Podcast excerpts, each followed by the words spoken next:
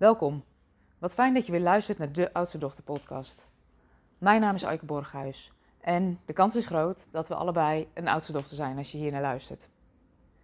In mijn bedrijf werk ik met oudste dochters die voelen dat het wel wat lichter mag. Die voelen dat ze veel verantwoordelijkheid dragen en dat ook goed kunnen, maar die het wel wat anders zouden willen. In deze podcast wil ik het graag met je hebben over luisteren naar de grenzen van je lichaam. Want stel jezelf maar eens de vraag: luister jij eigenlijk naar de signalen die je lichaam je geeft? Als ik kijk naar de afgelopen periode in mijn leven, heb ik best een hectische periode gehad.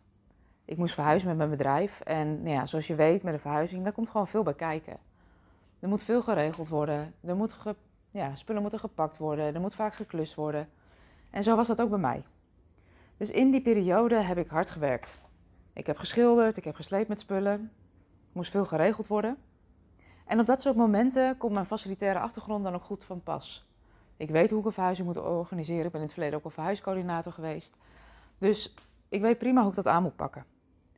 Tegelijkertijd heb ik vanuit mijn gezin van herkomst ook geleerd: als je het wil, schouders eronder.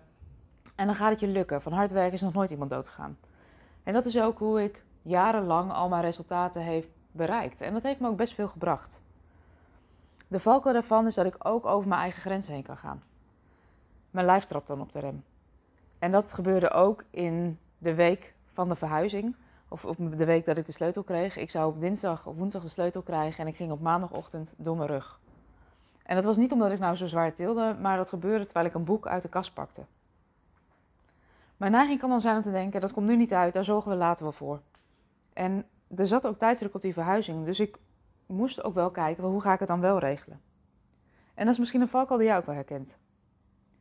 En als ik naar mezelf kijk, dan was het ook makkelijker in die week om in beweging te blijven. Want dan had ik gewoon minder pijn als wanneer ik ging zitten of ging liggen.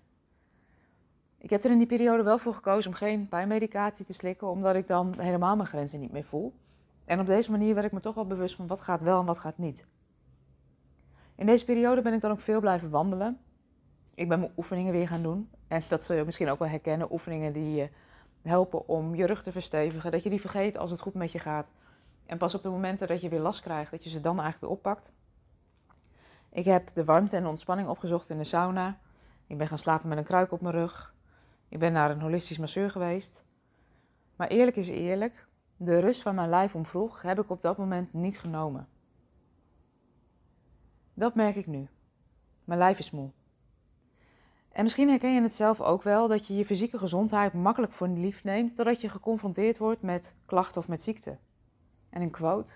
En ik weet even niet meer precies van wie die is. Is: Je lichaam is de plek waar je ziel altijd moet wonen. Je kunt nieuwe kleren kopen, je kunt nieuwe spullen kopen, maar een nieuw lijf kopen, dat lukt niet. Dus je hebt het ermee te doen. En daardoor is het extra belangrijk om goed naar dat lijf te luisteren, naar de signalen die het je vertelt. Na de verhuizing dacht ik, ja, weet je, de afgelopen maand heb ik niet zo heel veel gedaan in mijn bedrijf. Dus het wordt tijd om weer lekker aan de slag te gaan. Ik merkte ook, ik ging achter mijn laptop zitten, dat dat niet werkt. Mijn lijf was nog steeds moe. Dus ik heb mezelf de weken daarna meer rust en ruimte gegund. En wat daarbij interessant was, en voor jou misschien ook een interessant inzicht is, is dat ik merkte dat ik de woorden tussen haakjes niets doen veranderde in hersteltijd. En toen ik het rustige aandoen, nog beter voor mezelf zorgen, zag als hersteltijd, was het makkelijker om daar ruimte voor te maken, omdat ik het anders labelde. Het werd makkelijker om me over te geven aan dat rustige aandoen. Het rustige aandoen leverde me nog wat op. Ik nam wat meer afstand en het uitzoomen leverde me nog meer op. Want ik stelde mezelf in die periode de vraag: wat wil mijn lichaam me nu eigenlijk vertellen? Wat zou ik kunnen doen om nog beter voor mijn lichaam te zorgen? Tegelijkertijd realiseerde ik me ook dat ik al best veel, veel dingen goed doe of beter voor mezelf ben gaan zorgen de afgelopen jaren. Met mijn conditie is niet zoveel mis. Ik wandel veel en ik beweeg veel. Ik ben bewust bezig met voeding, de brandstof die ik in mijn lijf stop. En tegelijkertijd merkte ik ook dat mijn lijf ook nog wat anders nodig had. Ik zou wat meer stevigheid rondom mijn buik en rug mogen krijgen, dus meer oefeningen doen. En ik zou wat soepeler en meer ontspannen in mijn lijf willen zitten. Want ik merk dat ik ja, wel conditie heb, maar best stijf ben. Ik ben toen gaan bedenken, ja, wat kan ik dan doen om daar verandering in te brengen? En ik ben weer naar de sportschool gegaan en ik heb daar met een personal trainer een ja, sportplan gemaakt. Waarbij ik ook zei, het gaat er niet om om um, heel snel weer met kracht bezig te zijn, maar ik wil meer ontspanning in mijn lijf. Het hielp um, om samen met die sportinstructeur uh, een persoonlijk plan te maken. En ze begeleidde me ook de eerste keren dat ik in de sportschool was. En ze zei, niet zo fanatiek, vertraag je tempo eens, doe het rustiger aan. En dat is dan weer zo'n oude overtuiging dat als je goed zweet en, en moe bent als je uit zo'n sportschool komt, dat je goed getraind hebt. Maar de vraag is of dat is wat je lijf nodig hebt. Ik weet dat het voor mij belangrijk is om stap voor stap weer op te bouwen. En dat ik niet te hard van stapel loop. En ik merk ook, want ik zag er best wel tegenop weer naar de sportschool, ik had er eigenlijk helemaal geen zin in, dat ik me iedere keer als ik naar buiten loop weer beter voel.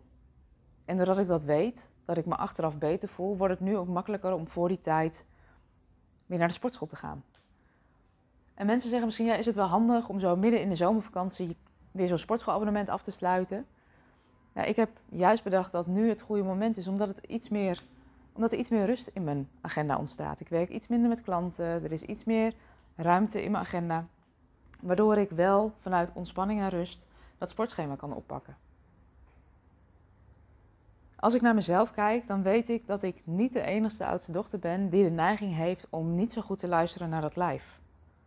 Die op dit moment, na maanden in dat nieuwe jaar, moe is. En een vraag die je jezelf zou mogen stellen is: wat wil je lijf je eigenlijk vertellen op dit moment? Wat zijn die signalen die je lijf voor je heeft? Gun jij jezelf voldoende rust en ontspanning? Of valt daar misschien nog wel wat winst te behalen? En welke eerste kleine stap zou je kunnen zetten om beter voor je lijf te zorgen en dus beter voor jezelf te zorgen? Ik ben heel benieuwd wat er bij je naar boven komt. Dus als je het leuk vindt, deel het met me. Stuur me een berichtje op info.oudstedochter.com. Ik ben benieuwd. En wat denk ik belangrijk is voor je om te weten, want veel oudste dochters hebben de neiging om het altijd zelf te doen. Je moet het zelf doen, maar je hoeft het niet alleen te doen. Als je voelt dat je beter voor je lijf wil zorgen, ga naar de sportschool, maak een afspraak, laat een plan maken. Laat je masseren, ga naar de, naar de sauna, wandel, ga lekker naar buiten, ontspan. Dat mag je jezelf best gunnen. Ik ben heel benieuwd wat er gebeurt als jij gaat luisteren naar de signalen van je lichaam, naar de grenzen van je lichaam.